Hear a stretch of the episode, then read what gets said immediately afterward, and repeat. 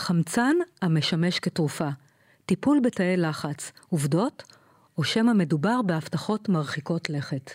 וגם, היום נגלה לכם משהו שאת חלקנו זה הדהים. הילד שלכם נפל וקיבל מכה בראש? הידעתם שפגיעת ראש כזו יכולה אחרי זה לגרור אותם שנים קדימה לבעיות קשב וריכוז ולבעיות הסתגלות? לדברי שני הפרופסורים שיהיו איתי היום באולפן, מה שקורה שהרבה מהילדים האלה מפוספסים. באיזה אופן? מיד נגיד. ויטופלו בעתיד באופן שיש לזה פתרון אחר לגמרי. מתחילים. אתם מאזינים למשחקי בריאות עם דן ארון ופרופסור איתמר רז. כולם יודעים שבבריאות לא משחקים, אבל יש כאלה שכן.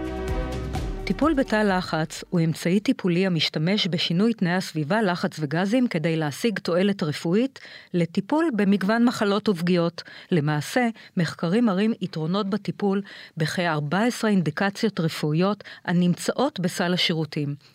אילו מחלות ומצבים רפואיים יכולים להרוויח ממנו, מהם התועלות העיקריות של טיפול בתא לחץ, וכיצד הוא ביחס לטיפולים רפואיים אחרים.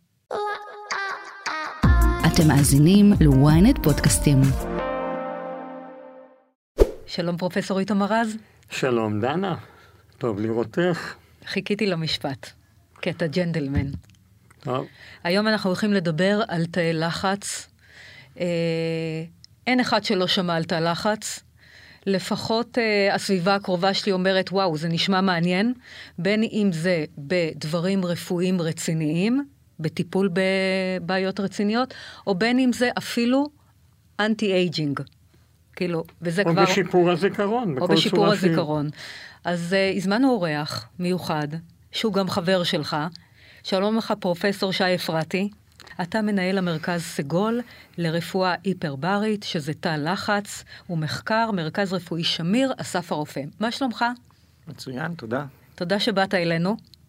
אני רוצה לדעת הכל על תא לחץ. אז קודם כל, בוא נתחיל עם זה, איך נראה תא לחץ? תא לחץ זה למעשה חדר שנכנסים אליו, ובתוך החדר הזה מתאפשר לנו לשנות את הסביבה. את הלחץ של הסביבה, את הגזים שיש בסביבה. וזה למעשה ההתערבות שלנו, זה הטיפול. בניגוד לגלולה שאתה לוקח ומכניס לפה, פה אנחנו משנים את הסביבה כדי להשיג אפקט פיזיולוגי שאנחנו רוצים. אולי תפרט, אתה אומר משנים את הסביבה, אתה מתכוון מעלים את לחץ החמצן. כן, אנחנו משחקים למעשה עם גזים. בחלק מהאינדיקציות זה חמצן, בחלק מהאינדיקציות זה משהו אחר. למעשה חמצן או גז זה מולקולה שה... שנעים במרחב, במרחב גדול. ואם אני רוצה לתת יותר מגז מסוים, או אם אני רוצה לתת יותר חמצן לענייננו, זה לא שאני יכול לבוא למישהו להגיד לו, אני רוצה שתיקח שלוש כדורי חמצן ליום. לא, זאת אומרת, אני יכול להגיד את זה. אתה זוכר שפעם היה, דרך אגב, ברחוב סומסום, היה מישהו שמוכר אוויר? כן. והוא היה אומר, קח אוויר, קח אוויר, הוא היה משכנע אותך. כן, נשום עמוק, נשום עמוק, קח אוויר. גם אפרים כן. קישון אמר כן. שאחד הדברים שעשו בישראל היה למכור אוויר. אז רגע, אה, אז פרופסור אפרתי, ברים, מהו בעצם... יש גם ברים של חמצן, כן? יש מלא שרלטנות סביב הדבר הזה. אז בעצם מהו המנגנון שדרכו תא הלחץ עוזר לנו אה, לשפר כל מיני בעיות רפואיות? אז יש 14 אינדיקציות שמאושרות ונמצאות בסל השירותים, כגון? ויש אינדיקציות חדשות שהן לכאורה יותר סקסיות, שסביבם? כולם יודעים מה להגיד. תכף ניגע בזה, המילה anti-aging זו מילה שאני לא מכיר אותה, כי אני לא אנטי כלום, אוקיי. אוקיי? pro-aging. כן, זאת אומרת, אוקיי. אנחנו סך הכל רוצים לתפקד יותר טוב. כן. אוקיי? אז... אה, מהן האינדיקציות? אז יש ב-14 האינדיקציות הקלאסיות, יש כמובן תאונות צלילה, ששם כל הסיפור הזה התחיל. שם זה בכלל לא חמצן, אנחנו מעלים את הלחץ כדי להקטין בועיות שנוצרות בזמן הצלילה. אז זה אחד. שתיים זה הרעלות CO, שאיפות עשן למיניהם. היה לנו לא מזמן את המקרה נגיד בבאר שבע, עם הפיצריה שם, שזה, ולצערי הרב זה קורה לא מעט. כן, CO, CO זה גז, כמו שנאמר פה, הוא מופק בשרפה או דברים כאלה, הוא מתחרה עם החמצן. והוא מתחרה על הכדוריות האדומות, הוא, הוא חזק פי 20 מהחמצן, ולכן אנשים מתים מזה. מהמם. אז הרעיון פה הוא לתת חמצן בלחץ, הרבה יותר גבוה, שיוכל להתחרות עם ה-CO על הכדורית האדומה, ועל ידי ככה להציל את חייו של הבן אדם. כן, זה עוד דוגמה. כן. אה, תסחיפי אוויר. אה, גם כן קורה לצערי, מה, מהו תסחיף אוויר? נגיד ילד שעושים לו ניתוח לתקן לו איזה מום בלב, ובזמן ששמים אותו על מכונת מעקף לב ריאה, בורח אוויר פנימה, והאוויר הזה יכול להיתקע במוח. איך אפשר לסלק אוויר? ברגע שאנחנו מעלים את הלחץ, אנחנו מקמת... ממש מכווצים את הבועית. ואז בצורה כזאת אנחנו מצליחים להעלים אותה ולעלות בצורה הדרגתית. אז אלה אינדיקציות אקוטיות. אירועים מוחיים? אירוע מוחי כאירוע מוחי בחלק האקוטי אין לנו עדיין מחקר, אבל תכף ניגע מה קורה בחלק האחרוני. החלק האקוטי זה אחר כך חריף, הש- הימים הראשונים.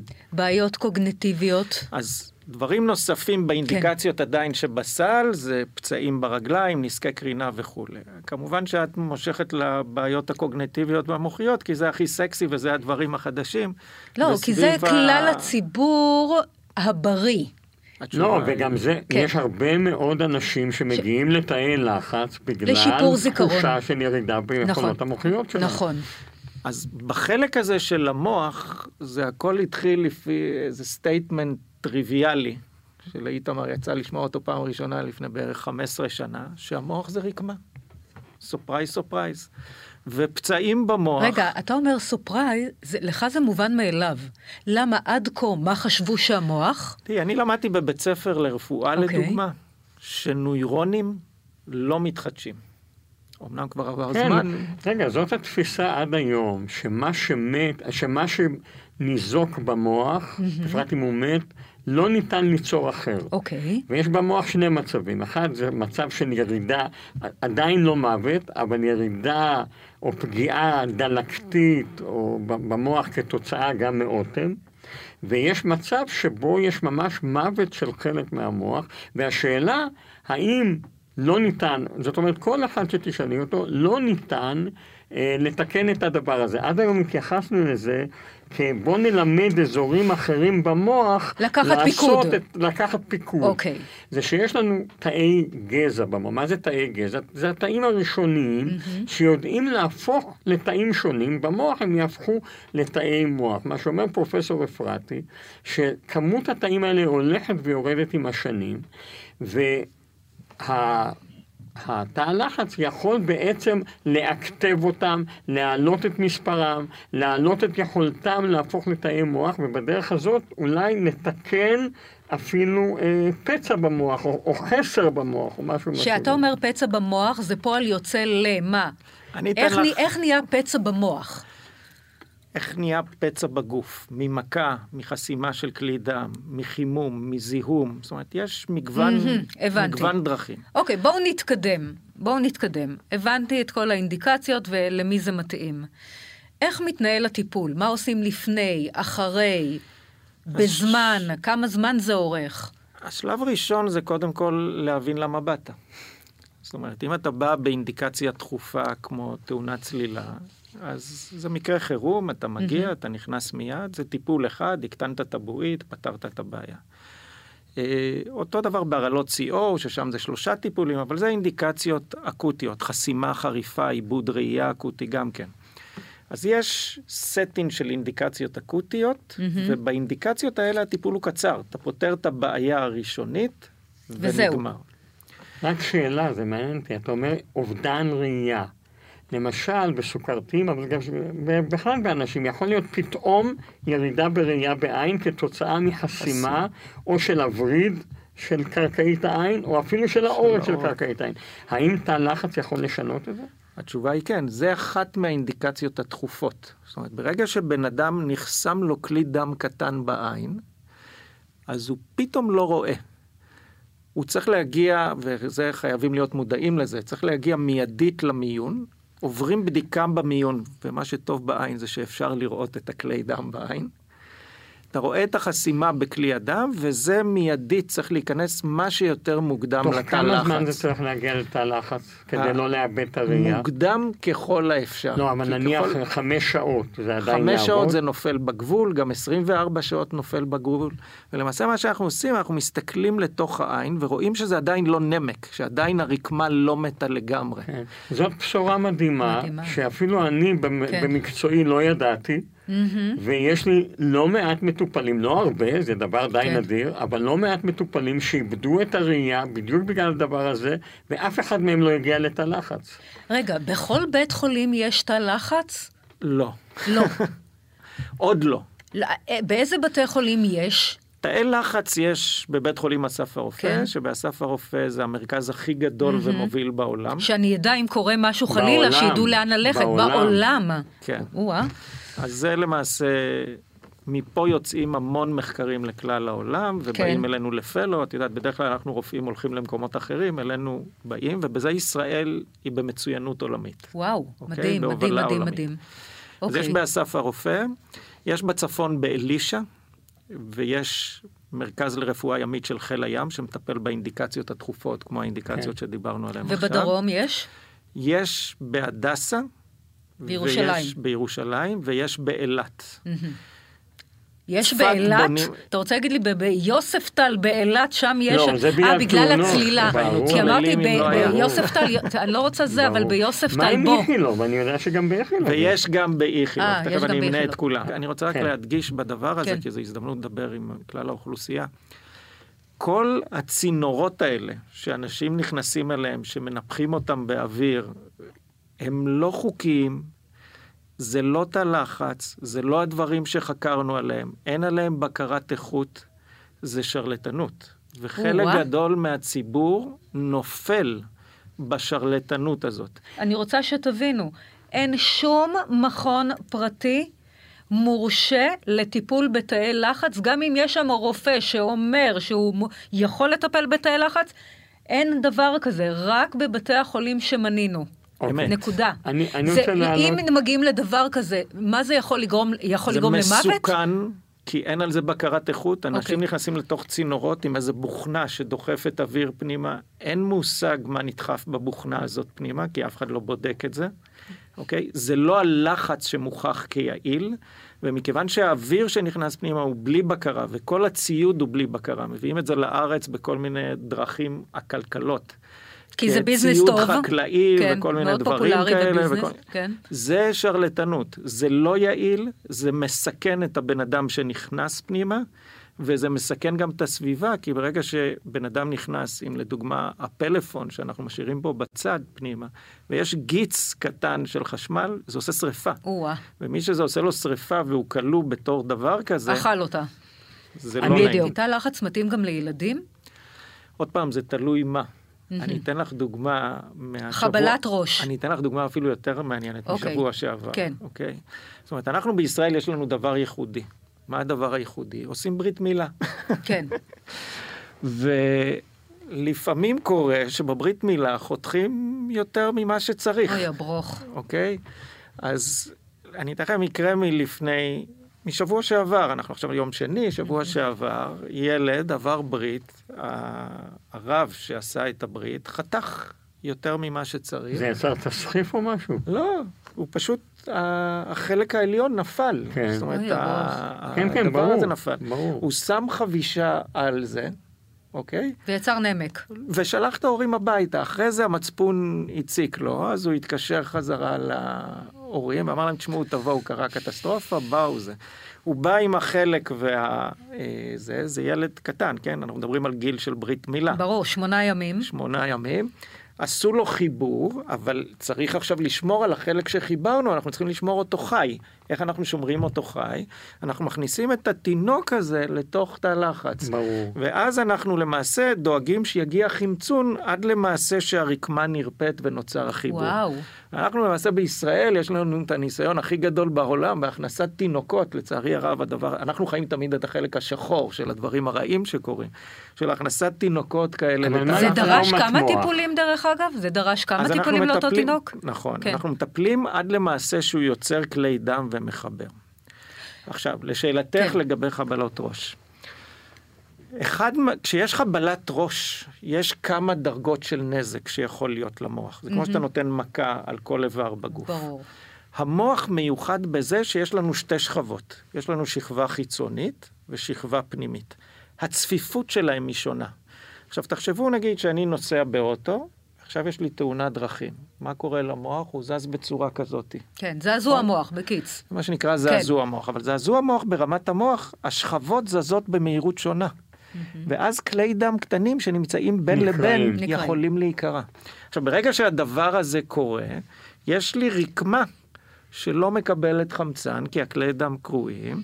אין לי פגיעה שאני רואה ב-MRI רגיל או ב-CT רגיל. זאת אומרת, אין דימום או משהו כזה, זה פגיעה שרואים? כן, דימום? אין, או- אין אוקיי. פגם כן. מסיבי שאני רואה, ואני לא יכול להסתכל בעין על כן.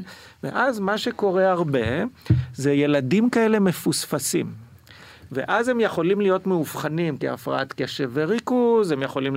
להיות מאובחנים כבעיות הסתגלות. כלומר, פגיעת יכול- ראש כזאת יכולה אחרי זה לגרור אותם משנים קדימה לבעיות קשב? זה חלק גדול מהם, ש-25% בערך מהילדים שיש להם מה שנקרא קונקשן, שזה, אני לא יודע מה המילה בעברית, את אבל זה זה... בהלם. זה חבלת ראש. זה- אמרנו, נעשה מחקר בילדים. נראה האם הטיפול בתא לחץ יכול לעזור גם לילדים שעברו חבלות ראש. לקח הרבה זמן לקבל אישור, כי לקבל אישור מוועדת הלסינקי לוקח זמן בילדים. קיבלנו את האישור, אני הייתי בטוח שברגע שקיבלנו את האישור, מה קורה? אני נכנס ל... ל... electronical medical record בקופות חולים, כותב לך post concussion syndrome, כן. זה השם המקצועי של זה, כמה ילדים יהיו? אלפים. כמה יש בארץ ילדים שמאובחנים כסובלים מ post concussion syndrome? עשרות אלפים. אפס? די. אפס. זאת אומרת, אפס. הם לא ערים לבעיה הזאת. ואז אמרתי, רגע, יכול להיות אחד משני דרכים. או שאנחנו לא מאבחנים, או שבאמת ילדים, היכולת רגנרציה של המוח שלהם היא כל כך גדולה, שאין להם post concussion. ואז התחלנו מחקר אחר. מה עשינו במחקר אחר? עשינו את זה ביחד עם שיתוף פעולה עם קפלן ואסף הרופא. לקחנו ילדים שמגיעים למיון בגלל חבלת ראש, נפילה, נפלו מאופניים, נפלו כן. מסוס, תאונת דרכים. נפלו מהיד של האימא. הפגיעה שלהם הייתה מספיק חמורה כדי שהרופא במיון יעשה להם CT או MRI, אבל הוא רואה שזה תקין והוא שולח אותם הביתה. ומולם לקחנו קבוצה של ילדים שמגיעים למיון עם שבר ביד, כדי שנראה באמת כן. מה קורה. ובדקנו חצי שנה, שנה, שנתיים, שלוש אחרי זה. כמה מתוך הילדים האלה סובלים ממה שנקרא post concussion syndrome, שיש להם את הסינדרומים? כן. בין 20 ל-25 אחוז. וואו, אוקיי. רבע. כן. כמה מתוכם מאובחנים? אפס. עכשיו, בעקבות המחקר שלנו ובמקביל למחקר שלנו, אז רגע, לא השתנו השאלה- הח- הנחיות שנייה. במיונים? כן. הנחיות במיונים זה לא, זה במיון הוא משחרר. כן. אתה צריך לעקוב אחריו אחרי זה ולראות. הילדים האלה מאובחנים כסובלים ממיגרנות, מאובחנים כהפרעות קשב וריכוז, מאובחנים כבעיות הסתגלות. יש מצבים פרדוקסליים, האמא נוהגת באוטו. רגע, אני רוצה להבין. מה שאתה אומר בעצם, ילד שעבר טראומה, אה, פגיעה מוחית. המשפחה אבל אף אחד לא יודע, זה הקטע. הוא עף מהמגלשה וקיבל זבנג בראש. מצוין. לא הולך המש- לבית חולים, אומרים לו, אין לך הכל כלום. בסדר. כן. עכשיו, המשפחה היא זאת שצריכה לעקוב ולראות אם יש שינויי התנהגות אצל הילד. אבל איך הם יודעים? ילד בן הילד שש... ילד השתנה. ילד, כן? הילד השתנה. יש נקודת זמן, שעד הנקודת זמן הזאת, הילד היה ברמה מסוימת, ואז פאק, מהנקודת. זמן הזאת מה השתנה. למשל? כאבי ראש. פתאום יש לו בעיות של לימודים, קשה לו יותר ילד ללמוד. באי יש לו- שקט. כן, יש לו ילד בעיות. היפראקטיבי. אז אתה יודע מה אנחנו אימהות הציונים- אומרות? הוא גדל, הוא התבגר, ואז פתאום מגלים כי יש מודעות. אנחנו לא לוקחות בחשבון שזה מעזבנג בראש. אז טוב. שאנחנו מעלים את זה, את ופה המודעות צריך לעניין. רמת מודעות בדיוק. גבוהה של ההורים. זה הכל עניין של מודעות. כן. יפה, עכשיו, אז גם טוב שאנחנו עושים את יש זה. את זה, אנחנו בסוף מאבחנים את זה על ידי הדמיות תפקודיות של המוח.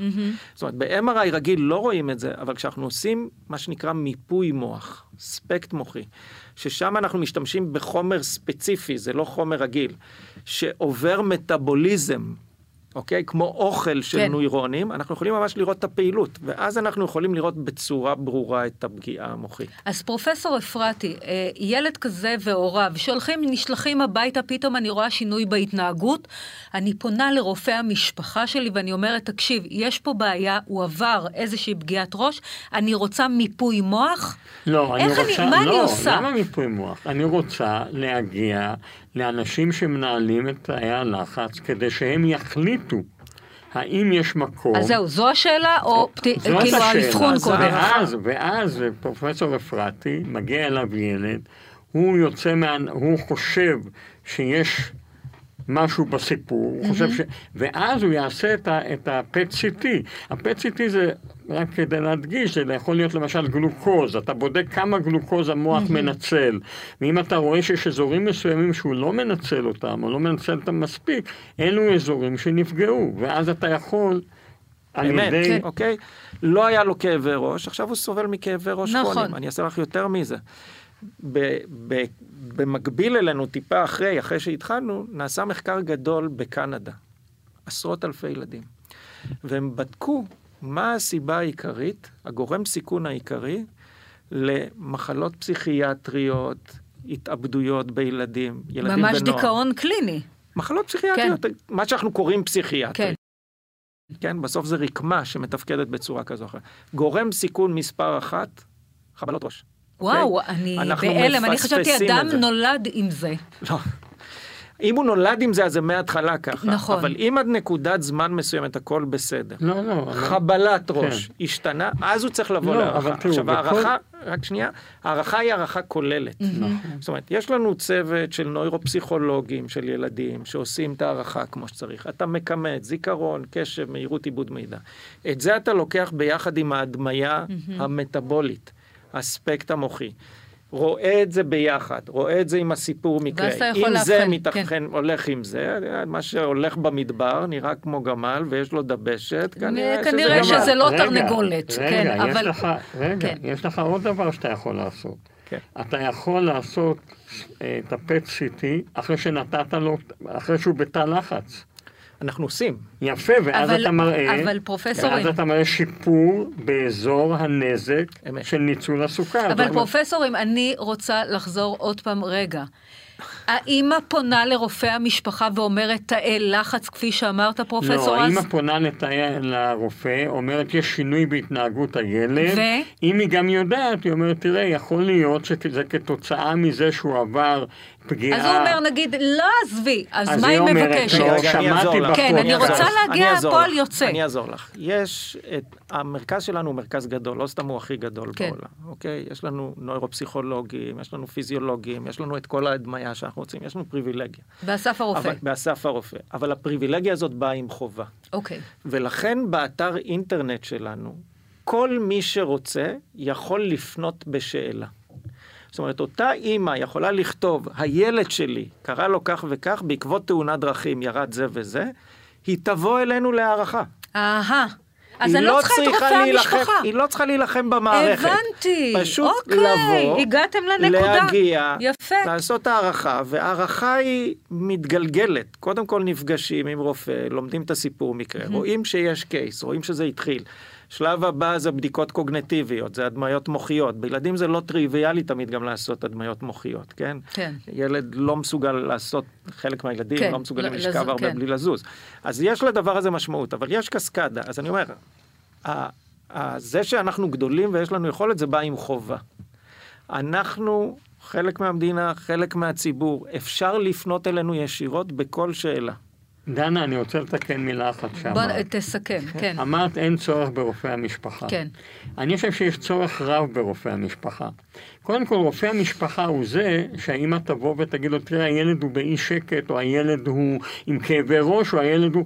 והשאלה הראשונה שהוא צריך לשאול, בין היתר, האם הוא קיבל מכה בראש. אבל אתה או- יודע שעל כולם שואלים, אתה יודע שאין סבלנות, הוא אומר זה היה אז, זה היה אז. לכן חשוב... לכי רופא- לאבחון אה, של קשב וריכוז, וכולי וכולי. נכון, לכן חשוב רופא המשפחה. יש, תראי, יש שני מדרגים. יש את הרופאים ויש את הציבור. מה שאומר לך פרופסור אפרתי, הציבור יכול לפנות אליי ישר. נכון. אבל יש הרבה מאוד בציבור שלא יחברו אחד לשני, או לא ידעו בדיוק איך לפנות, או לא ידעו... ויש הרבה שלא יהיו ערים לבעיה.